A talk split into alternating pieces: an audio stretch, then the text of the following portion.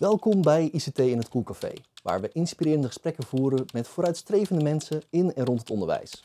Zodat jij weer verder kunt gaan met onze gezamenlijke missie: het beste uit ICT halen voor jouw onderwijs. Fijn dat je luistert. Mijn naam is Leon de Kanter. Ik ben ICT-consultant bij Cloudwise en nu al meer dan zes jaar gepassioneerd betrokken bij het onderwijs.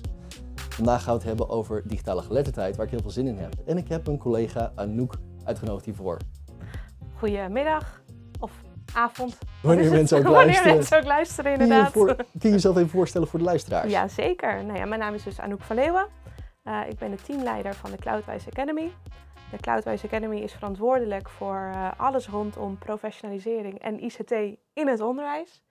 Eh, wat betekent dat we trainingen geven, workshop geven en voornamelijk ook veel adviesstukken oppakken bij scholen.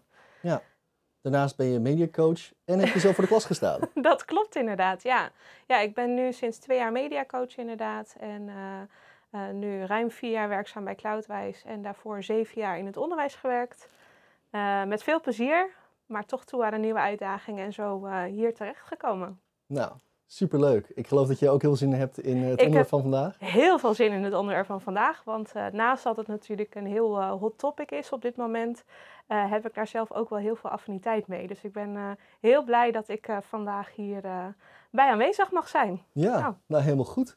En eh, van eh, alle mensen die we konden uitnodigen, hebben we hier volgens mij echt een ontzettend goede gesprekspartner. Eh, we hebben hier Koen Buiter. Fijn dat je er bent. Dankjewel. Leuk Welkom. om hier te zijn, dank je. Ja, Ja. kun je wat over jezelf vertellen? Ja, ik ben Koen, Koen Buiter. Ik werk als projectleider digitale geletterdheid bij Openbaar Onderwijs in Groningen. Ehm, dat doe ik nu al een tijdje. We zijn sinds 2016 bezig met het neerzetten van een leerlijn digitale geletterdheid. We zijn een scholenbestuur met zo'n eh, 37 scholen. We hebben basisonderwijs, voortgezet onderwijs en speciaal onderwijs. Eh, daarbij nog een, eh, een bovenschoolse afdeling. Ehm, en eh, ja, daar proberen wij digitale geletterdheid een plek te geven, een waardevolle plek op onze scholen.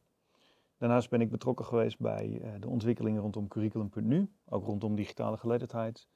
En doe ik eh, her en der nog wat klussen, wat werkgroepen waar ik in zit, klankbordgroepen in het land. Ik ben ook betrokken geweest bij de monitor digitale, digitale geletterdheid vanuit ECP. Ehm, dus het is vooral digitale geletterdheid wat de klok slaat. eh, ja, in dus eh, eh, nou, als we dan een expert hadden kunnen uitnodigen, kwam jouw naam eh, ook zeker naar boven. Dus fijn Ja. dat je tijd had om eh, het hierover te hebben. Want je hebt dus ook eh, heel breed eigenlijk dat je betrokken bent bij nou, het onderwijsveld, eh, direct bij de scholen zelf. Eh, geef je zelf ook nog les? Nee, wel gedaan. Ik heb eh, eh, denk ik zeven jaar in het VMBO gewerkt. Ook nog een tijd in het basisonderwijs gewerkt. Maar eh, uiteindelijk eh, mijn ambitie gevolgd en eh, ben deze rol eh, gaan vervullen. Ja. Je zegt je ambitie gevolgd. Licht eens toe. Ja, nou ja, ehm, eh, ik, het lesgeven en het voor de klas staan vond ik geweldig. Ik vond het echt super mooi om elk jaar eigenlijk weer een soort, ja, een soort familie op te bouwen met zo'n groep. En eh, nou ja, daar ook echt een, een belangrijke schakel in de levens van die leerlingen te zijn. Ehm, maar ik ben van oorsprong gewoon een, een regelaar. Iemand die graag dingen organiseert, eh, dingen onderneemt, dingen mensen bij elkaar brengt. Ehm, en die ambitie kon ik niet altijd even goed kwijt eh, in mijn rol voor de klas. Neem niet weg dat ik dat gewoon wel geweldig leuk heb gevonden en nog Ja. steeds vind. Ehm, maar ja, als je voor de klas staat en je wil ook nog nieuwe dingen bedenken, ontwikkelen, creëren, dan is het heel lastig om twee ballen in de lucht te houden. Ja. Dus toen heb ik wel gekozen voor de, voor de kant van eh, ja, het projectleiderschap die ik nu, eh, die ik nu vervul. Ja. Ik wil eigenlijk meteen even ingaan op het stukje vanaf 2016 Ja. Ja, zijn wij hier al mee bezig. Ehm, ik denk dat heel veel van onze luisteraars eh, nu op een punt staan van hè, digitale geletterdheid. We moeten er iets mee, we willen er iets mee. Ehm, 2016 begonnen, eh, een pionier, eh, voorloper geeft een bepaalde, bepaalde naam. Hoe, hoe is dat zo ontstaan? Ja, wij hadden destijds een, eh, een bestuurder, Theo Dauma. En eh, Theo die eh, zat ook landelijk in allerlei vernieuwingscommissies. Die was betrokken geweest bij Onderwijs 2032. En die zag ook dat de kerndoelen nog steeds hè, geactualiseerd zouden moeten gaan worden. En Theo had vanuit eigen interesse en passie ook wel ehm, digitale geletterdheid hoog op zijn agenda staan. Dus die heeft toen in ons bestuur gezegd, weet je wat, we gaan hier gewoon beginnen. Ja. En hij heeft toen eh, ehm, samen met eh, mijn collega Jasper, Jasper het Hart, ehm, heeft hij scholen bij elkaar geroepen. Ik was werkzaam op een van die scholen. Eh, en toen hebben we eigenlijk met een club van zo'n tien leerkrachten, docenten, PO, VO, speciaal onderwijs bij elkaar in een soort denktank zijn we bij elkaar gezitten. En toen is er gezegd van nou, dit zijn ongeveer de kaders.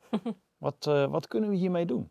Nou, toen zijn we met elkaar lessen gaan bedenken, projecten gaan vormgeven, materialen gaan zoeken.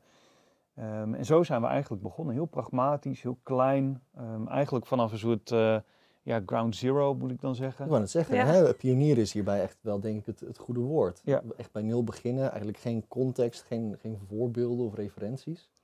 Nee, de, de eerste voorbeelden waren er toen al wel. SLO Kennisnet zijn toen Ja. in 2016 ook gestart met het, nou ja, eigenlijk het positioneren van die vier deelgebieden die we nu kennen. Ja. Ehm, dus da- daar hebben we ons eigenlijk altijd aan gehouden. Die deelgebieden zijn voor ons ook leidend geweest in de ontwikkelingen van eh, digitale geletterdheid. Ja. Ja. Dus eh, ja, d- d- 2016, en dat was een hele bijzondere tijd. Wij gingen zelf ook de klassen in, lessen geven, collega's helpen, eh, dingen uitproberen, eh, lessen gewoon formats maken, aanbieden aan collega's.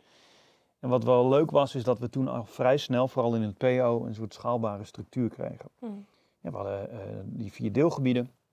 En we hadden vrij snel de onderbouw, middenbouw, bovenbouw aan lesmaterialen ontwikkeld voor het PO.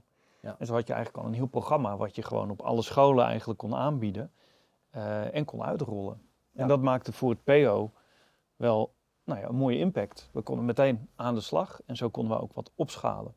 Dus ik zei net al, we begonnen met tien scholen aan het begin. Daar waren we volgens mij met vijf PO-scholen bij betrokken. Maar die vijf werden er al vrij snel zeven. En die zeven werden er toen binnen een jaar al, wat was het, 19.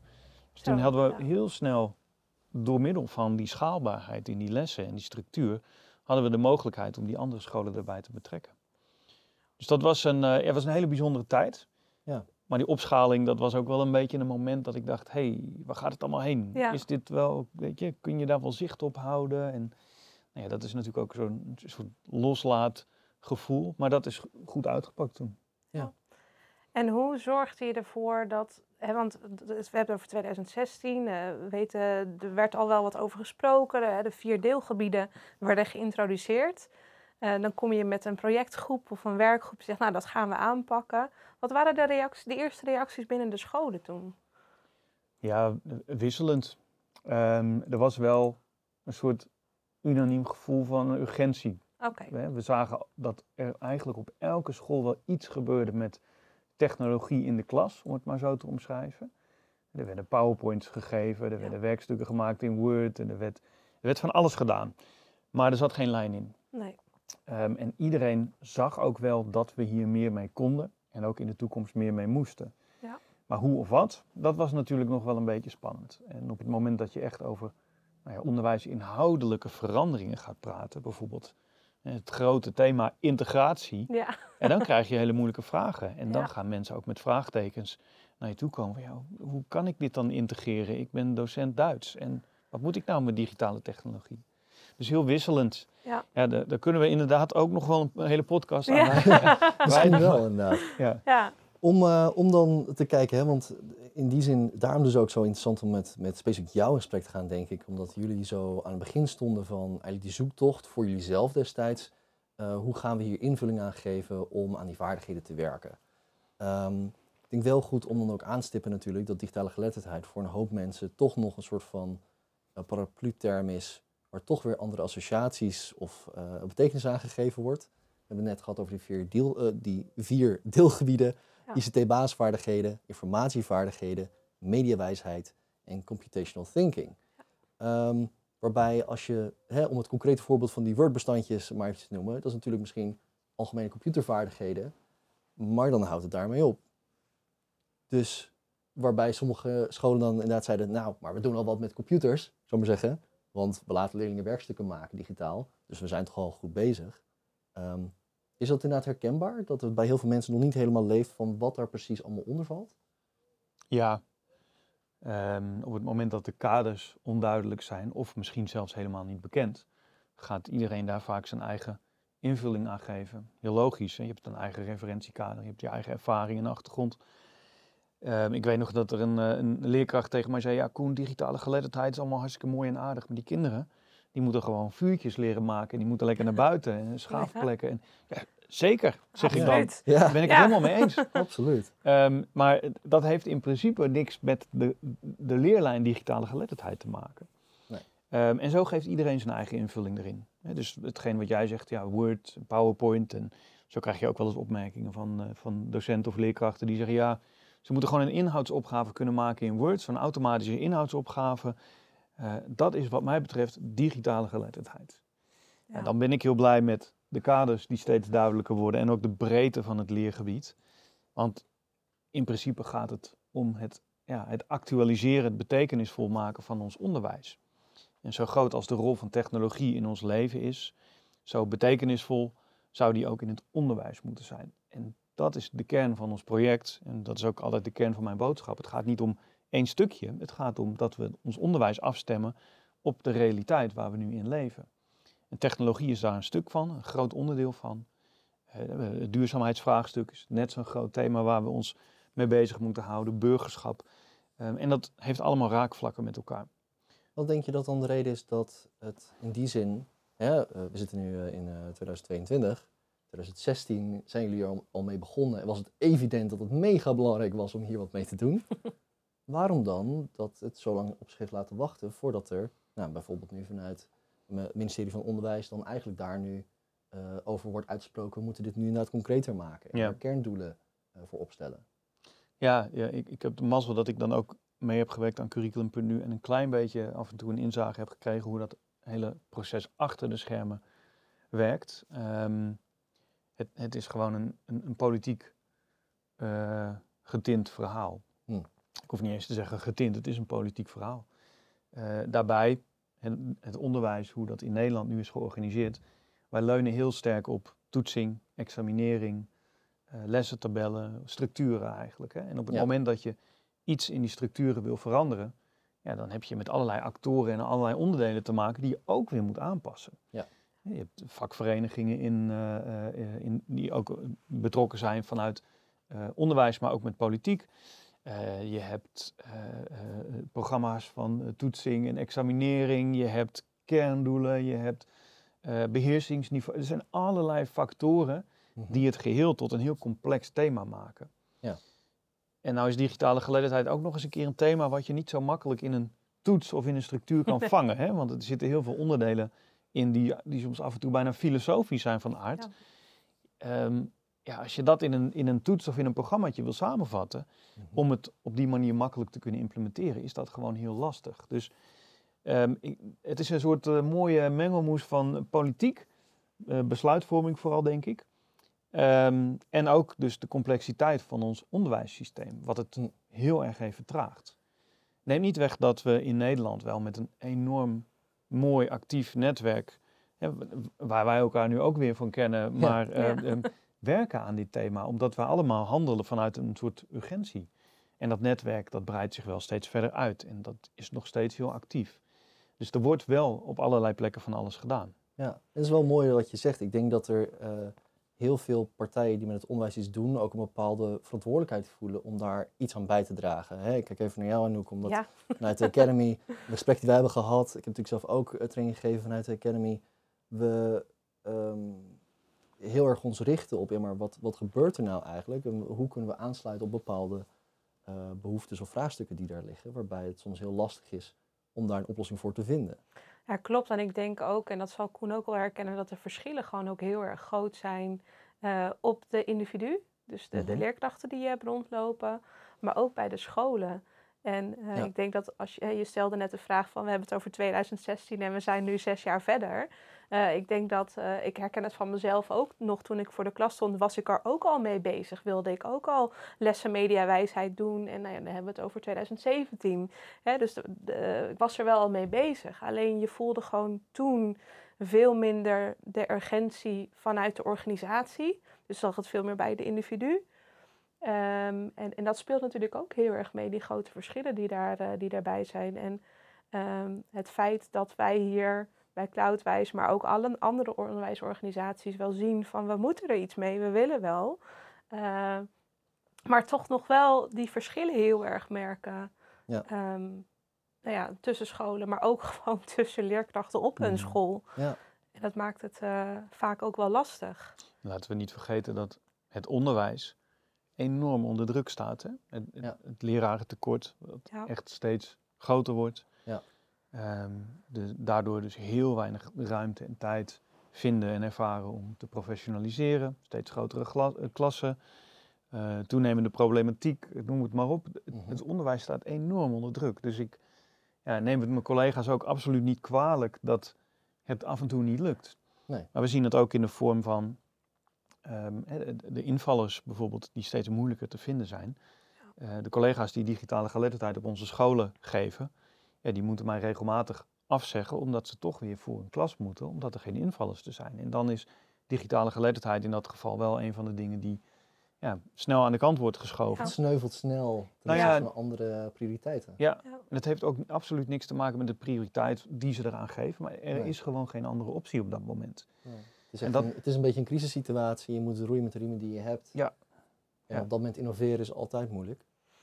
Is dat dan ook een beetje, eh, daar moest, moest ik aan denken toen je zei wat, wat, wat als eerste sneuvelt. Hè? Dat je dan het een beetje kunt vergelijken met, eh, we hebben vrijdagmiddag nog eh, een uurtje of twee over in het rooster. Als het lukt, dan gaan we iets met digitale geletterdheid doen. En anders zal dat het eerste zijn wat echt letterlijk van het rooster afvalt. Is dat een beetje wat je daarmee bedoelt? Qua... Op sommige scholen zal Ja. dat voorkomen. Dat verschilt heel erg per school hoor. Ehm, en, en het is ook maar net hoe je digitale geletterdheid a- eh, aanbiedt in je school. Als je het geïntegreerd doet, Ja. dan zul je het gedurende de hele week voorbij zien komen. Maar als je het apart behandelt, zul je het op een gezet tijdstip voorbij zien komen. Dus dat verschilt heel erg per school. Ehm, maar ja, dat komt ook voor inderdaad. Ja. Het is wel interessant, want je noemt eigenlijk een, een, een specifiek voorbeeld waar ik later zo meteen graag op inga. Dat, dat integreren van digitale geletterdheid hè, in je bestaande onderwijs. Ehm, maar de reden ook dat we dit een interessant onderwerp vonden om nu aan te snijden, was natuurlijk omdat er recent publicaties geweest vanuit de minister van Onderwijs over allemaal nieuwe plannen. Eh, er zijn best wel verdeelde reacties op gekomen. Eh, heb ik zelf in elk geval gezien. Eh, ook op LinkedIn dat er nou, eigenlijk toch wel een beetje dat het me opviel hoeveel weerstand er uitkwam. Eh, terwijl ik keek naar waarop, ik zou maar zeggen, deze de in- initiële stappen zijn gebaseerd. Hè? Dat, dat rapport met, nou ja, wat je al aangaf, eh, kerndoelen moeten eigenlijk een stuk verduidelijkt worden en, eh, en vernieuwd. om beter aan te sluiten op wat er nu nodig is. En dat men zich vooral vastbijt in een, een ander aspect hiervan. Ehm, ik ben eigenlijk wel benieuwd ja, hoe jullie dat individueel eigenlijk eh, hebben gezien. Ik begin even met jou, Anouk. Heb jij daar... Wat, wat voor gevoel kreeg jij ervan? ik, eh, ik was heel erg blij om te lezen eh, wat er. eh, nou ja, hè, wat er in ieder geval de conclusie is van wat er gaat komen. Ehm, ik moest meteen, wat er gebeurde, ik zal even kort, kort toelichten. Mhm. Ik ging inderdaad ook op LinkedIn. Want ik had het allemaal gelezen. Ik dacht, ik was heel enthousiast. Zeg, kijk, nu gaat er wat gebeuren. Ik had het ook gedeeld binnen het team. Zo van, jongens, gaan aanpakken. De scholen zijn er klaar voor. En vervolgens inderdaad op LinkedIn gebeurde er een hele hoop. En dat zorgde er wel voor dat mijn enthousiasme een beetje werd getemperd. Omdat ik dacht, oh ja, eh, wacht even. We gaan inderdaad wel weer iets doen waarbij mensen ook wel weer veel weerstand kunnen gaan eh, tonen. En eh, waarbij, nou ja, de punten die we eigenlijk het meest horen, er is geen tijd en er is geen geld. Dat zijn de dingen die we heel vaak horen, eh, die ook weer aangevoerd worden. Plus uiteraard het lerarentekort waar we nu heel erg tegenaan lopen. Dus mijn initiële reactie was, yes, er gaat iets gebeuren. En eh, ik sta voorop om daar ook eh, enthousiast Je was helemaal klaar om met die beweging mee te gaan. om met die beweging mee te gaan, inderdaad. En het werd wel een beetje getemperd. Ja. En ehm, ik vind daarin altijd wel mijn positie best wel lastig, omdat ik zelf uit het onderwijs kom, dus ik weet hoe het eraan toe gaat. Dat heeft zo zijn voor- en zijn nadelen als je zelf uit het onderwijs komt, eh, merk ik. Eh, omdat je vanuit mijn rol eh, staat ICT op één. Mhm. Maar ik weet dat dat niet zo werkt in het onderwijs. Het staat niet altijd of eigenlijk bijna nooit op één. En dat vind ik altijd wel een moeilijke. Ik weet niet of strijd het goede woord is, maar laten we het strijd. Het is, het, het is een spanningsveld in elk geval Ja. tussen bijna een soort van cons- conservati- conservatisme Ja. Wat er bij heel veel leerkrachten is en Klopt. docenten is. Ten opzichte van de meer innovatiezoekende, Ja. zoals nou, ik jou dan maar even zal Ja. noemen. eh, die denken, ja maar hè, die nieuwe dingen en dit moeten we omarmen. ja.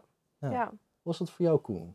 Die, eh, die, na die publicatie, Wat, hoe heb jij daar naar gekeken? Ja, allereerst heel mooi dat ehm, minister Wiersma een soort, ja, een soort middenweg heeft gevonden uit, tussen de signalen die al eerder vanuit de politiek klonken. Hè, terug naar de basis. De basis moet op orde. En toch digitale geletterdheid en burgerschap daaraan toegevoegd hebben. Dat vind, ik- dat vind ik een mooie. eh, en dat stemt me ook wel hoopvol op zich. Maar eh, hetgene waar ik me zorgen om maak is eigenlijk hetzelfde als wat jij zegt, Anouk. De, eh, ja, de bezetting op de scholen. Ja. Wie gaat dit dan doen? Ja. Hè, er komen dan eh, eh, expertteams. Ja. Ehm, en wie gaan daar dan in zitten? Ehm, ja, ik hoop dat de minister ergens nog een verborgen blik met eh, experts heeft eh, die Ja. in het onderwijs werken. Ja. Kijk, ik hoop vooral dat we niet een situatie krijgen waarin allerlei, ehm, met alle respect ook voor jullie werk, om allerlei commerciële partijen bovenop het onderwijs gaan springen. Eh, want dan creëer je een tijdelijke situatie die op het moment dat de expert de school uit is, weer verdampt. Ja. En Ja. dat is precies waar ik een beetje bang voor ben. Wat we ook al wel eens hebben gezien hoor. Van, hè, op het moment dat je dus die extra mankracht hebt, creëer je eigenlijk een soort tijdelijke luxe positie. Een, een situatie waarvan je denkt, oh fijn, er is iemand die weet van hoe en wat. En die kan dit in beweging brengen, die kan ons helpen. Maar die persoon moet wel verdomd goed dat kunnen, maar ook de focus hebben op een soort borging, een blijvende gedragsverandering op zo'n school. Om het tot een succes te kunnen maken. En ik hoop dat dat ook de focus gaat zijn. Het grote verschil met eerdere pogingen en vernieuwingen is nu wel dat er daadwerkelijk is gezegd, die kerndoelen Ja. gaan we Ja. veranderen. Ja. En die kerndoelen vormen, hoe vervelend en hoe simpel het ook is, vormen gewoon het belangrijkste onderdeel voor de borging. Ja. Er moet helaas op een bepaalde manier een soort verplichtend karakter gaan komen, willen mensen hier naartoe gaan werken. Dat is Een stukje urgentie weer. een stukje Ja. urgentie. Ja. Ja, maar en, en voor sommige mensen ook een soort een, een, een, een, lijn waar ze naartoe kunnen gaan. Precies, een Ja. duidelijkheid. Zeker als je zelf Ja. expertise niet hebt. Oké, maar wat wordt er dan van mij verwacht? Ja, Ja. ja dat, dat zal mensen aan het denken zetten. En dat zeg ik niet alleen vanuit mijn rol in Groningen, maar ook omdat ik veel met andere bestuurders spreek. Daar zie je gewoon echt van, ja, je kan als bijvoorbeeld als bestuurder of als eh iCoach of kartrekker, kan je eh, zulke mooie motiverende verhalen ophouden. Het blijft dan altijd bij goodwill. En Ja. goodwill is vaak niet te volgen en niet te toetsen. En dan kun je mensen ook niet op aanspreken. En dat is natuurlijk niet altijd nodig. Hè. Je hoopt op een positieve vooruitgang, maar je moet op een gegeven moment ook wel kunnen zeggen van nou, dit zijn de afspraken die we hebben gemaakt en daar gaan we naartoe werken. Ehm, en hopelijk gaat dat er aankomen met die kerndoelen, want dan krijg je ook aanpassing van de, de toetsen. Zeg ik niet mee dat digitale geletterdheid meteen getoetst Getoet- moet worden, nee. maar de examinering, eh, weet je, dus dat zijn allemaal wel dingen die, die gaan bijdragen en gaan meehelpen in het, in het organiseren. Want eh, kijkende vanuit mijn perspectief. Ik, ben, ik eh, kom niet direct uit het onderwijs. Ik heb meer een technische achtergrond.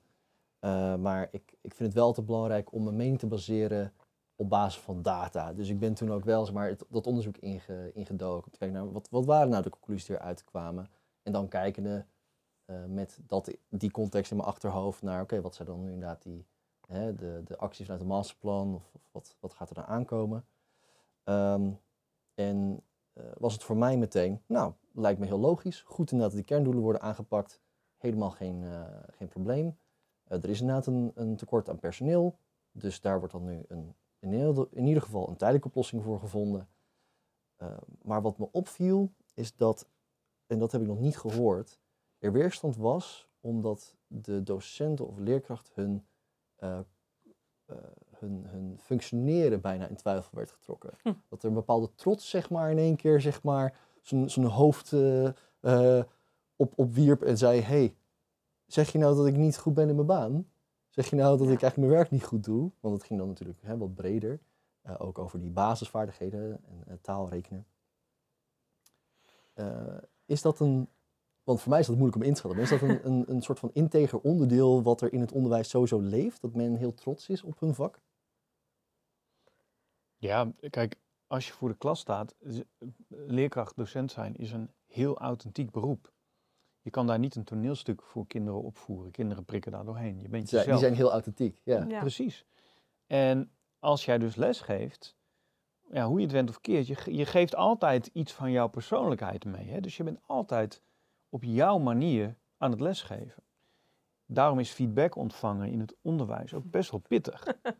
Ja, Ja, sorry, ik moet het- hier eventjes om lachen. Maar Ja, dat je- is, het is- het- nummer één, denk ik. Ja. Wat, eh, ja. Ja, en de- dus feedback op je les geven, er Ja. is, is, is best wel wat weerstand tegen bepaalde feedbackmodellen ook in dit. Ehm, en, en dat komt vooral volgens mij dan omdat het een, ja, je bent heel authentiek. Je staat daar als jezelf voor de klas, of althans deels. Je staat geen toneelstukje op te voeren. En daarbij ben je als leerkracht, docent ook heel erg bezig met eigen ondernemers zijn. Je runt je eigen toko. Dat moet vaak, noodgedwongen omdat er gewoon weinig tijd is, weinig eh, extra personeel, weinig ondersteuning. Dus, je moet vaak je eigen toko runnen, maar dat kan ook heel leuk zijn. Ik heb dat zelf altijd als heel tof, leuk ervaren. Je moet echt, eh, ja, je, je moet heel veel kunnen. Mhm. Het wordt ook wel eens onderschat trouwens. Ik vind dat leerkrachten en docenten, dat zijn echt geweldige organisatoren. En ik denk dat je ehm, daar ook op dat aspect heel veel kan leren. Dat zijn mensen die kunnen heel goed overzicht houden, goed een boodschap overbrengen, goed organiseren, ehm, goed plannen. En ja, dat zijn toch wel dingetjes die, die, die af en toe niet goed genoeg eh, worden benadrukt. Ehm, maar als je dan nadenkt over dat als je feedback krijgt de, de rol die je hebt, en feedback kan ook misschien wel heel erg nou ja, indirect of misschien secundair zijn, door juist zo'n minister Wiersma die zegt, er komen, kom- komen expertteams die gaan ons helpen. En dan denk jij als vakidioot, eh, even, eh, of, of, of gepassioneerde leerkracht, zeg maar, denk jij van, ik doe dit met al mijn hart en ziel, is het nog niet goed genoeg? Ja. Ja, en, en dat, dat snap ik wel. Ehm, ja, aan de andere kant denk ik ook dat we niet alleen naar onze eigen toko moeten kijken, in ons eigen klaslokaal of op onze eigen school, maar dat we moet, met elkaar moeten kijken naar ons hele land, naar ons totale onderwijs. En als we dan kijken naar de rol van digitale geletterdheid, om hem weer eventjes eh, in te zoomen, dan hebben we het wel daadwerkelijk over gelijke kansen creëren. Wat ik daaraan interessant vind om, om even meteen bij stil te staan voordat we verder gaan met de rest van ons gesprek. Ik weet dat er een hoop docenten en leerkrachten zijn die zeggen, ja, allemaal leuk dit, maar is, nou, eh, is het nou wel echt nodig? Want je noemt kansen, kansgelijkheid creëren. Wat is nou eigenlijk, wat is nou de meerwaarde van digitale geletterdheid? Meenemen als standaard vaardigheid ten opzichte van die, ik zou zeggen, klassieke basisvaardigheden. Ja, het- allereerst eh, geef je jezelf ook al een beetje een voorzetje. Het, is niet alleen, eh, het bestaat niet alleen uit vaardigheden. Het bestaat ook over, uit kennis en niet te vergeten ook uit houdingsaspecten. En dat zijn eigenlijk drie elementen die je nodig hebt om in onze samenleving, die voor een groot deel steeds sneller digitaliseert, om je te redden. Je hebt daar vaardigheden in nodig, basisvaardigheden. Eh, vaardigheden met betrekking tot je veiligheid. ehm, vaardigheden met eh, eh, je eigen digitale administratie en organisatie. Ehm, maar daarbij heb je ook kennis nodig. Wat speelt er? Wat zijn disruptieve thema's waar ik rekening mee moet houden? Of kennis over hoe sociale media platforms werken en hoe algoritmes daar een rol in spelen. En dan heb je vervolgens een goede houding erin nodig om kritisch, bewust, actief, creatief, nou ja, je kent het hele riedeltje wel, Ja. om daar mee om te kunnen gaan. En daarom is digitale geletterdheid belangrijk. Veel, een groot deel van ons leven organiseren we, maar eh, eh, eh, maken we ook online, digitaal. Ja. En ja, zo groot als digitale technologie in ons echte leven, zeg maar buiten de schoolmuren aanwezig is, zo betekenisvol moet je het op school maken. Dat betekent niet dat je hele school gedigitaliseerd moet worden. Het betekent ook niet dat iedereen de hele dag op een scherm zit te kijken. Maar het betekent wel dat we aandacht moeten besteden aan thema's als zijnde nepnieuws, desinformatie, de invloed van algoritmes, ehm, eh, trackers, cookies, noem het maar op. Dat zijn allemaal dingen die ons denken daadwerkelijk beïnvloeden. Ehm, je, je kent vast de term digitaal burgerschap. Mhm. Ehm, ja, het is een beetje een, een, een, een trend geweest de afgelopen jaren dat er op heel veel plekken digitaal voor een naam werd gezet. Digitaal burgerschap, digitale economie. Ja. eh, digital society. En dat is puur om het digitale even op de voorgrond te zetten. Maar dat gaat er straks weer af. Wij zijn een maatschappij, wij zijn een wereld, we leven in, in, in die technologie, in die media. Ehm, en daarom is het heel belangrijk om qua professionalisering en bewustwording nu het te hebben over digitale. Maar straks zit het erin. Ehm, en dat, dat is het, misschien wel het belangrijkste. Ja, Ja, het is, het is eigenlijk je, je onderwijs even op pauze zetten, het onder de loep nemen en elementen die actueel zijn geworden in de afgelopen tien jaar. ehm, de huidige kerndoelen stammen uit 2006. Ze zijn net zo oud als Facebook, zeg ik altijd. Ja, Ehm, maar je onderwijs op pauze zetten en kijken welke elementen er in de wereld bij zijn gekomen en of je die een plek kan geven in je onderwijs. Koen. Ik hoor gewoon mensen nu in mijn achterhoofd schreeuwen. "O- Het onderwijs op pauze zetten? Ja, Hoe ja. durf je? Ja, Daar heb ik toch helemaal geen tijd voor. Nee, ik- eh, helemaal, nee, en dat is dus het grote vraagstuk. Ja. Ehm, de, eh, de tijd haalt ons letterlijk, in dit geval op digitale geletterdheidgebied, haalt, het, haalt de tijd ons in. Ja. Ehm, kijk, en even nog terugkomend op, op wat we net, waar we het net over hadden. Hoe kan je Ja. dan toch hiermee aan de slag? Precies. Jouw rol als leerkracht, als docent verandert. Ehm, het is eigenlijk een beetje een soort flauw excuus, maar je hoeft niet alles te kennen en kunnen om dit dus te doen. Je kan je dus samen met de leerling eh, in een open houding eh, bewegen in die digitale wereld. Dat Ja. betekent niet dat je alle kwade en boze dingen in je klas in moet halen, maar dat betekent wel dat je op bepaalde gezette tijden misschien zelfs anders met digitale informatie omgaat. Anders met informatie omgaat.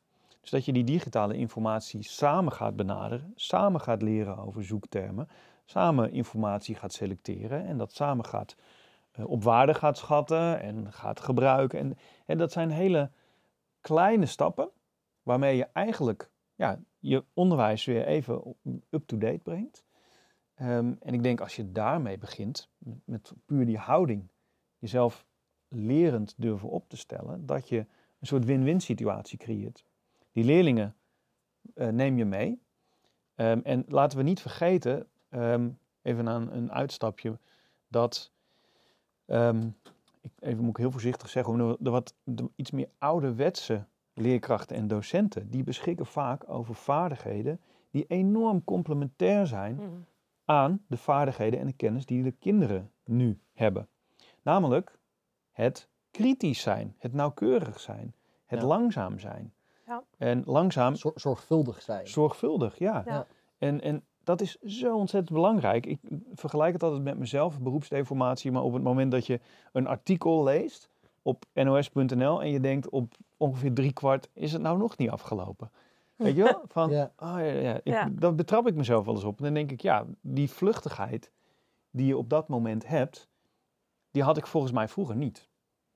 Eh, schat ik in.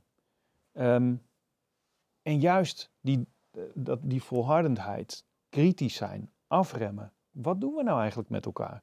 Die- daar beschikken vaak de leerkrachten met minder digitale vaardigheden juist extra over. En dat kan elkaar versterken. Dus als kinderen te pas en te onpas allerlei dingen op het digibord gaan googlen en opzoeken en weet ik veel wat, dan kan die andere leerkracht, die wat minder digitaal vaardig is, ook gewoon zeggen: Ho, wat zijn we nou eigenlijk allemaal aan het doen? Leg eens even uit, stap voor stap. Wat ben jij nu daar aan het opzoeken? En wat vind je dan? En klopt dat allemaal wel? Weet je wel? Die, die, die kritische doortastendheid en die zorgvuldigheid inderdaad, ja, daar moeten we ook gebruik van kunnen maken. Betekent dat dan ook dat de rol van de leerkracht verandert? Ja, dat hoor je heel vaak, hè? Ja, dat hoor je zo Ja. vaak.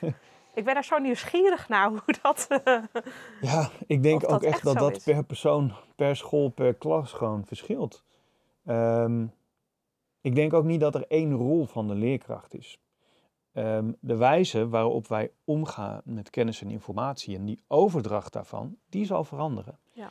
En sommige mensen zijn daar al in veranderd, zijn daar geleidelijk in meegegaan, zijn al, hebben al aanpassingen gedaan in hun onderwijs. Maar ehm, het- ja, als je bijvoorbeeld kijkt naar het, eh, het leren en het reproduceren, hè, wat, we- die jaartallen dat- die ik net Ja. noemde, dat is een voorbeeld van ik ga iets leren en ik reproduceer het wanneer ik een toets krijg. Ja, dat, dat zijn dingen waarvan ik denk, ja, dat gaat wel een keer veranderen ooit. Hè? Ehm, hetzelfde geldt voor topografie. De blinde kaart mee naar huis vroeger. Ja. Dat is nu nog steeds een beetje de norm op heel veel scholen. Ja. Wat prima is. Ik bedoel, zo leer je wel je topografie en leer je ook hoe plaatsen ten opzichte van elkaar liggen. Maar dat is wel iets waarvan ik denk, daar gaat digitale technologie misschien ooit wel eens een beetje invloed op, eh, op hebben. Ja. En los van dat je weet wat topografie is, dat je ook weet hoe je dat met Google kan doen. Of dat dat naast elkaar bestaat. Zo gaat die rol wel veranderen. Ja. Ehm, de pedagoog, de persoon die het veilige klimaat in de klas weet te creëren en weet te behouden, ehm, die zal er altijd blijven. Dat is de Ja. kerntaak van jou als leerkracht. Zorgen voor veiligheid in je onderwijs. Ehm, en nu zal ook die rol veranderen, maar in principe verandert die niet. Alleen die, dat pedagogisch klimaat bevindt zich nu ook voor een groot deel in de digitale wereld. Dus als pedagoog zul je ook bezig moeten houden met ruzie in een appgroep, of je dat nou wil of niet. En een, een pedagoog of eh, iemand met veiligheid in zijn portefeuille op een VO-school, stel je voor dat er een bedreiging is, digitaal, dan zul je daar ook iets mee moeten gaan doen. Want het raakt het echte leven op dat moment. Dus ik denk niet dat de rol in essentie verandert, maar dat er wel op sommige plekken een digitaal thema bij komt waar we eh, mee aan de slag moeten. Om, eh, omdat we al lekker natuurlijk al een tijd bezig zijn, wil ik een, eh ik denk eh, twee of drie onderwerpen nog echt wel even aansnijden. En dat is denk ik, jullie zijn er dus al een tijd mee bezig geweest. Als het nu gaat om concrete tips, heb je een paar dingen horen noemen, maar kun je een paar concrete tips geven aan die scholen die nu nog worstelen met hoe ga ik dit integreren of nou ja, aanbieden binnen mijn school? Ja, als ik dan kijk naar een, een, een school, dus niet naar een bestuur, maar naar een school, dan zou ik zeggen, ehm, ga eerst structureel met elkaar overlegmomenten reserveren. Ehm, niet te lang, niet te groot, geen hele dagen, maar ga gewoon een moment reserveren waarop het geagendeerd is. Om Dan- gewoon even te reflecteren of om terug te pakken naar dat Ja. onderwerp. Precies, ja. En ga daar dan tijdens die momenten mee aan de slag. Een voorbeeld van een van onze scholen, wat we hebben, daar hebben gedaan, is dat we bijvoorbeeld het thema informatievaardigheden daar centraal hebben gesteld. En dat kwam daar een keer of drie, vier terug op de teamvergaderingen. Gewoon tien minuutjes elke keer. En wat we daar deden was, we pakten twee of drie doelen vanuit de aanbodsdoelen SLO. ehm, en die gingen we vervolgens eh, uitdelen in dat team. Dus we gingen zeggen, nou, dit, dit is informatievaardigheden. We gingen eerst beginnen met een stukje context. Hier gaat het over. En ehm, vervolgens gingen we die doelen presenteren. En dan gingen we eigenlijk twee of drie doelen centraal stellen. En dan zeiden we tegen de leerkrachten de, daar in dat team, zeiden van beste mensen, deze drie doelen, die hebben we vanmiddag op de agenda. Jullie hebben tien minuten. Eh, over tien minuten zien we elkaar terug en dan presenteer je aan ons. Of een zelfbedachte les, of een project of een thema. Of een zelfgevonden les, of een project of een thema. Je mag gebruiken Google, eh Wikiwijs, eh FutureNL, Lesson Up, eh, noem maar op. Go, succes, 10 minuten. Nou, iedereen stoof naar zijn klas met tweetallen, duo's, weet ik veel. Allemaal gingen ze dan dingen uitzoeken en toen kwamen ze na 10 minuten weer terug. En dan deden we een rondje. Wat heb jij gedaan? Nou, en uiteindelijk had je dus alle bouwen bij langs een gevulde leerlijn op het gebied van informatievaardigheden. Nou, al die lessen werden weer ingeleverd en die werden weer bekeken en bij elkaar gezet en noem maar op. Nou, op die manier duik je dus samen de lesstof in. Ben je eigenlijk al een klein beetje professionaliserend bezig, want je verdiept je al een beetje de inhoud van die leerlijn. En het mooie was, doordat we het steeds weer op die agenda lieten terugkomen, werd het ook weer geëvalueerd. Dus die lessen die de mensen hadden gevonden, dan was dan natuurlijk de follow-up van, ja, die ga je dan ook deze week in je klas ga je proberen. En dan horen we volgende week hoe dat ging. Nou, en als je zo'n cyclus weet neer te zetten op je school. ehm, ik heb zo trouwens nog een leuk voorbeeld, bedenk ik me nu. Ehm, dan krijg je wat meer structuur erin. En een heel mooi neveneffect hiervan is denk ik dat, dat je eigenaarschap creëert van die persoon die dus op zoek is gegaan naar dat, Ja. lesstof of naar die les, die oefeningen. Ja. Eh, en het dus niet meer alleen is van, oh, we hebben hier een algemene leerlijn die we bijvoorbeeld in huis halen. Ja. Maar van, nee, ik heb hier aan bijgedragen. Het Ja. wordt een stukje waar ze zelf ook iets aan hebben Ja. eh, toegevoegd. Ja, Ja. ja zeker. Mooi. Ik heb nog een mooie. Eh, deze, het, het belangrijke is ook, wat mensen wel eens vergeten in het hele gesprek, de belevingswereld van die kinderen dit, dat is digitale geletterdheid voor een groot deel. Hè? Op het moment dat je iets met digitale of sociale media doet, dan staan ze vooraan. Ja. Vinden ze zo tof. Nou, op een van onze scholen dachten we van, weet je wat, we gaan dat gebruiken als een soort strategie. Om ervoor te zorgen dat we het in de hele school aan de orde krijgen. En daar hebben we een Media Wijsheid Challenge bord hebben we ontwikkeld. En daar gingen klassen voor elkaar uitdagingen ophangen. Ehm, bijvoorbeeld onderzoek wie de drie populairste vloggers in Nederland zijn. En ga ook per vlogger omschrijven waarom jij denkt dat ze zo populair zijn. En ga dat dan Wauw. verklaren. Nou, die challenge ging daar dan op dat bord. En kinderen uit een andere klas gingen die challenge ophalen. Die mochten een week lang aan die challenge werken. En aan het einde van de week gingen ze hun resultaat presenteren in de klas waar- van, eh, van wie die challenge was. Dus dan gingen ze terug, namen ze die challenge weer mee terug, die klas. En zo had je dus groepjes kinderen die bij elkaar gingen presenteren over mediawijsheid en digitale geletterdheid. De resultaten kwamen vanuit hun eigen klas. Dus je bent eigenlijk de hele week bezig geweest met zo'n challenge. Ja. En uiteindelijk krijg je ook nog eens een keer op vrijdagmiddag of wanneer dan ook. Een Sorry, vrijdagmiddag hadden we het net ook over.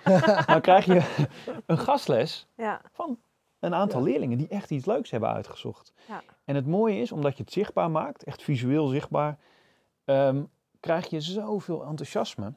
Ja, en je kan dan als klas niet zeggen, ja, sorry, die challenges, hartstikke leuk. Dat iedereen dat doet, wij doen daar niet, doen aan, er niet mee. aan mee. Nee, Nee. dat kan niet. Dat is, nee. Dus dat is ook een, ook een manier om, om met kinderen samen ervoor te zorgen dat de reuring is in de school Ja. en dynamiek. En dat je, nou, je leerinhoud kan je dan wat structureren op dat bord. Ja, dat zijn tips die je kan geven, maar het, het zijn vooral kleine praktische dingen. Ehm, wat wel belangrijk is, is dat, op, dat je op termijn, het liefst zo snel mogelijk, een structuur hebt in je school waarmee je kan innoveren.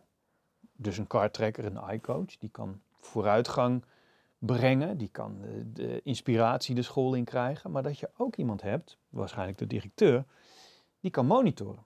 Ja. Doet iedereen wat we hebben afgesproken? Ehm, wat heb je nodig als het niet lukt? De gesprekkencyclus, een stukje van de gesprekkencyclus aan digitale geletterdheid eh, wijden. Ja, dus die, dat, dat, die balans is heel belangrijk. De directeur die volgt, ondersteunt, maar ook kan bijsturen. En die cardtracker, die iCoach, die ICT-coördinator, noem maar op, die vooruitgang brengt. En als die met elkaar goed samenwerken op een school, dan heb je een goede balans. Waarin je dus je directeur ook als ruggensteun ervaart. Ja. En waarbij die iCoach ja, zijn focus ook kan hebben op vooruitgang en inspiratie. Ja. Ja, heel mooi. Ik hoor dus eigenlijk, hè, het om het echt he- even nog een keer samen te vatten, zorgen dat, er genoeg, dat het genoeg leeft en dat je er gezamenlijk eigenlijk door dat proces heen gaat om, eh, om daar invulling aan te geven. Eh, en ja, het is logisch dat je nu niet nog het concreter kan maken, want die doelen worden nog zeg maar, geformuleerd wat Ja. je moet bereiken. Eh, maar wel heel goed, denk ik, wat je benoemt, is het, het optuigen van eigenlijk een manier zodat je dit kan gaan doen. Ongeacht wat voor resultaten er zo meteen eh, liggen uit, Mhm. uit die kerndoelen die geformuleerd worden. Ja. Ja. heel mooi. Ja, en ik denk ook wel het, het laatste wat je zegt daarin een heel belangrijk element is wie heb je nodig? En dat is bij iedere verandering die je doorgaat, eh, eh, heb je bepaalde mensen nodig. En ik denk dat het inderdaad een directeur gewoon een hele grote rol speelt daarin. Ja. En ehm, zich ook op die manier moet gaan opstellen als, als persoon van we, we, eh, we gaan dit doen, we gaan Ja. dit oppakken. En ik ga er inderdaad voor zorgen dat eh, binnen de, hè, mijn macht eigenlijk de bepaalde ruimte ervoor komt en dat het bespreekbaar is. En ik denk, als ik jou ook hoor zo'n voorbeeld zo zeggen van nou in de, op de teamvergaderingen komt eh, informatievaardigheden terug. Ik, heb, eh, ik hoor nog heel vaak dat het al moeilijk is om überhaupt op een studiedag een deel rondom dit Mhm. thema te Ja. krijgen. Dus daar zie je ook weer zo verschil tussen nou ja, hoe hoog het op de agenda staat bij scholen. Ja. En daarin is dus nog best wel wat te winnen in die zin. Dat denk ik wel. En ik hoor je eigenlijk nu ook weer eens, hebben wij zoals ik morgen een gesprek heb met een, met, met, met een school, dat ik gewoon zeg, ja, dit is een hartstikke goed voorbeeld daarvan, hoe je het op een laagdrempelige manier, want ik denk dat dat ook het woord is. ja, Het kan veel laagdrempeliger dan dat men denkt. Het is ook al, hè, je hoeft niet alle kennis in huis te hebben. Nou, ik hoor heel veel dingen van ik denk, ja, als je als, als iemand dit gewoon tegen jou zegt en, en, en, en nou ja, vanuit eh, zes jaar lang hier al mee bezig zijn, eh, wat Koen Ja. natuurlijk doet, dan Het hoeft niet alleen te gaan over kennis en vaardigheden, wat ik net ook al zei. Het gaat ook vaak om, om een houding. Een open houding, een lerende houding. Ehm, en ook een houding, een onderzoekende houding. Dus dat je, ja, dat je je weer eens in een thema gaat verdiepen. Ja. Dat hoort daar gewoon bij. Ja. Dus die kennis en vaardigheden vinden mensen vaak heel spannend. Ik snap er niks van, ik kan helemaal niks met de computer of de digitale wereld. Ja, ik mijn bankzaken, maar verder eh, hou ik me daar lekker buiten. ja, Ja, dat snap ik. Maar dat zijn ook dingen die iets zeggen over de houding van een, van een persoon. En ik Ja. denk dat dat houdingsaspect vaak nog onderschat wordt. Maar dat je, als je dat houdingsaspect goed weet neer te zetten, dat je daar ook al vrij snel eh, een andere didactiek bij gaat, eh, gaat zien. Dan ben ik heel erg benieuwd naar hoe de toekomst er dan uit gaat zien. Want hè, nu is er nog een deel onzeker. Eh daar gaan kerndoelen worden uitgewerkt. Hartstikke mooi. Ehm, nou, dan moeten vervolgens natuurlijk scholen nog eh, best wel hard misschien gaan rennen. Ehm, gaan er ook pasklare methoden komen, zoals dat nu voor andere vaardigheden ook al hebben, denk je? Ja, die zijn er al. Er zijn al eh, hele mooie lesplatformen, methodes voor digitale geletterdheid, die ook eh, bij ons veelvuldig gebruikt worden. Ik denk ook dat dat een, een prima manier is om hiermee aan de slag te gaan en vooral om structuur te creëren op je school. Eh, dus ja, die gaan er komen. Ehm, wat wel een, een groot vraagstuk is, en dat stipte, stipten we eerder ook al aan, het stukje integratie. En digitale geletterdheid is een, is een thema waarvan heel vaak wordt gezegd, eh, we gaan het integreren.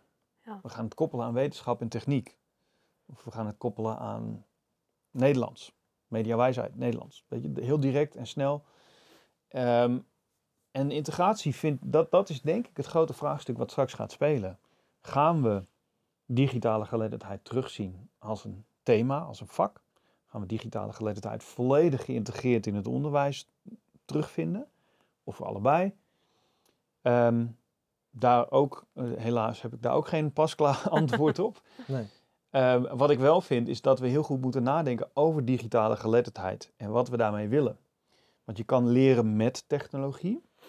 Ja. Het voorbeeld van de inhoudsopgave in Word, dat is een beetje ja, leren met technologie. Je maakt een werkstuk of een presentatie of je, je bouwt een website. Dat kan je zo moeilijk of makkelijk maken zoals je het zelf wil, maar dat is leren met technologie. Maar je moet ook anders met technologie omgaan dan alleen maar dat lerende. Je moet er ook over kunnen leren. Of je moet erover kunnen leren nadenken. Je moet een houding hebben ten opzichte van die technologie. En daarbij komen allerlei grotere thema's om de hoek kijken. We noemden net deepfake al.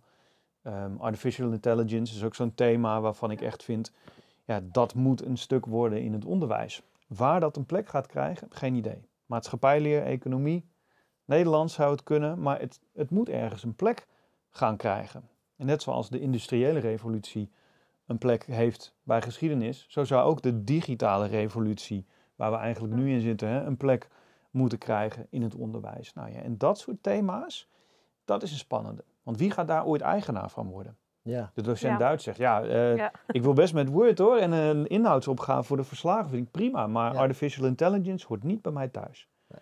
En zo heb je dat ook bij Nederlands. De vakdocent zal dit soort inhouden buiten zijn vak gaan houden. Tenminste, dat is mijn verwachting. Ik hoop Ja. natuurlijk dat het andersom is. Dat ze, ja. Ja. je weet je, laten we daarmee mee aan de slag gaan. Ja. Maar dat, dat is wel een groot vraagstuk. Van wie gaat eigenaar worden van die grote, ehm, ik citeer even Hans de Vries van SLO, disruptieve thema's. Ja. Dat zijn thema's die de wereld veranderen. Positieve of negatieve manier. En daar moeten we wat mee. Ja. Dus, en dat vind ik eigenlijk het belangrijkste aan digitale geletterdheid. Het gaat niet om puur om vaardigheden en kennis die je handig een plekje kan geven. Zo een ruilverkaveling eh, in allerlei vakken. Maar het gaat ook dus echt om dingen waar je over moet leren, over moet nadenken, over moet een mening moet hebben misschien zelfs wel. En als we die geen plek gaan geven in het onderwijs, dan zijn we ook niet goed aan het integreren. En zijn we ook niet voldoende in de breedte aan de slag met eh, digitale geletterdheid. als we over vijf jaar jou eh, opnieuw uitnodigen, wat ben je dan aan het doen? Geen idee. hey, ja, ik heb, je, je hoort wel aan mij dat ik een soort missie heb Ja. En Ja. mijn missie is vooral om... Je hebt heel duidelijk een passie, je bent heel gedreven met wat je aan het doen bent. Daarom ben je ook met verschillende aandachtsgebieden nu bezig vanuit je rol ook. Ja, ja en, en ehm, af en toe voelt het ook wel als een soort, eh, hoe noem je dat, een soort evangelie of zo. Dat je Ja. weer hetzelfde verhaaltje op, op een school of bij een bestuur. Ik presenteer heel veel over digitale geletterdheid op allerlei plekken, vooral op onze scholen. Ja. En of dat nou een klein gesprek is of een teammiddag of wat dan ook. Ehm, maar dat doe ik met één hele speciale reden. En dat is, ik vind dat het onderwijs actueel en betekenisvol moet worden. Absoluut. Want dat is de essentie van het verhaal. Het gaat niet Ja. om het digitale en coderen en cijfertjes en moeilijke dingen. Het gaat erom dat we ons onderwijs op dit gebied weer bij tijds gaan maken. En, Ja. en dat, dat is de, de, mijn drijfveer ook. Ik vind dat onze kinderen dat verdienen. Ehm, en ook dat onze kinderen gelijke kansen moeten krijgen op dit gebied. Dat is, dat is wat mij betreft eh, het belangrijkste. Ja, en ik denk niet alleen het is dat de kinderen het verdienen, want dat is één, dat is heel belangrijk. Maar ik ook gewoon dat ze het nodig hebben. Het is Mhm. gewoon nodig. Het is noodzakelijk, Ja. absoluut. Ja. En eh, ja, sluit me daar wel heel erg bij aan. Ik vind dat ook inderdaad een hele mooie, eh, bijna kernzin uit dit hele gesprek wel, denk ik. Dat Ja, dat, dat eigenlijk is waar het om, om moet gaan. Hè? Het verbeteren van het onderwijs, Ja. het relevant maken en houden van het onderwijs. ja, het actualiseren. Ik denk Ja. dat dat het mooiste woord is Ja. eh, Ja. wat je hier aan kunt hangen. Ja. Ja. Het moeilijke is wel dat je inderdaad ook bij, net als bij dat masterplan, dat je mensen hebt die zeggen, ja maar wij zijn al hartstikke actueel. We- Ik doe Ja. dit allemaal. Weet je, het, het onderwijs is een hele grote beroepstak. Er zitten heel veel mensen in het onderwijs in Nederland. En je Ja. moet heel voorzichtig zijn met al die mensen over één kam te scheren. Klopt. Ja. En dat is eigenlijk een beetje de gedachte die bij zo'n masterplan ook vo- voortkomt. Hè, van Ja. alles hetzelfde of zo. Weet je. Dat, dat, daar moeten we een beetje voorzichtig mee zijn. Want er zijn al heel veel mooie voorbeelden en heel veel mooie dingen. Mhm. En er Ja. liggen ook heel veel kansen. En er is ook ontzettend veel motivatie. Als je bijvoorbeeld kijkt naar gelijke kansen. Ja, het is een enorm groot thema waar iedereen graag mee aan de slag is. Want dat is ook Mhm. logisch en Ja. nodig. Ehm, dus ik denk ook dat dat wel belangrijk is. Dat we met elkaar wel kijken naar wat we al doen. Waar de goede initiatieven zitten. eh, hoe we die met elkaar kunnen verbinden. Hoe we die sterker kunnen maken. En hoe we daar ook van kunnen leren. Dus niet alleen de good practices. Kijk eens wat een mooie les. Kijk eens wat een mooi project. Maar ook de good mistakes. Ja, Ja. wat, De wat mooie fouten. hiervan? Ja, Ja. absoluut. Van, wat hebben jullie in Groningen? Ik zeg altijd, we zijn voorloper. Maar we Ja. zijn ook voorloper in het ervaren van allerlei problemen en hobbels Ja. en moeilijkheden. En ook vooral hoe het niet moet, hè? Ja, Komt er ook precies, altijd eh, ja. bij Ja. kijken. Ja. Ja. Ja. Misschien ook dan nog wel als een van de laatste goede tips om mee te geven. Kijk vooral om je heen. Vraag eens rond bij andere scholen. Ga eens op bezoek. Vraag eens, wat ging er fout? Wat ging er fout? Ja, Ja. ja. Dat je bespaart je een hoop tijd en Zodat het zelf niet Ja. diezelfde valkuil intrapt. Ja, absoluut. Ja. Ja. Ik vond het echt een supergoed gesprek. Ik kan aan Anouk zien dat je volgens mij echt nog lekker door had kunnen gaan. Ik kan hier nog uren over doorpraten. Ja. ja, Nou, misschien krijg je daar nog wel een andere keer eh, de kans toe. wie weet. Wie weet. Misschien nog leuk om even te, toe te voegen. We hebben vorige week een talkshow georganiseerd over digitale geletterdheid. Met een aantal landelijke experts. Mhm. met collega's uit onze organisatie, ook met leerlingen van onze scholen. En die talkshow die komt, ehm, as we speak, morgen online. Ehm, dus die zal ik ook even met jullie delen. En misschien Hartstikke is goed. het leuk We zullen om... hem in de beschrijving zetten dan. Ja, ja. Ja, Het is was een heel leuk eh, evenement om te produceren. Dat, dit was mijn rol. Ik ben lekker op de achtergrond gebleven. Nou, dus ik zat wel... er stiekem al op te wachten van wanneer Ja. komt die online. Ja. Want ik heb hem voorbij zien Ja. komen, maar ik kon hem Morgen nog niet komt hij online. terugvinden. Ja. Ja, dus mochten Ja, mensen die nu geluisterd hebben denken... Goh, ik wil nog, het nog meer in de praktijk zien. Ja. Ehm, kijk vooral dus in de beschrijving. En eh, eh, kijk eens naar de talkshow Ja. die is georganiseerd. Ja. Of ik wil Koen even niet horen nu. Ik heb er nu al genoeg van gehoord. Ja. Ik ben daar niet aan het woord. Altijd Heel nog een optie. Ja. Kijk, Ja. helemaal goed. Koen, dankjewel voor je tijd. Jullie bedankt. Leuk Ja. om te doen. Leuk om hier te zijn. Leuk. Ja, helemaal goed. Ik, eh, ik ben weer blij. Ja, tot naar de volgende.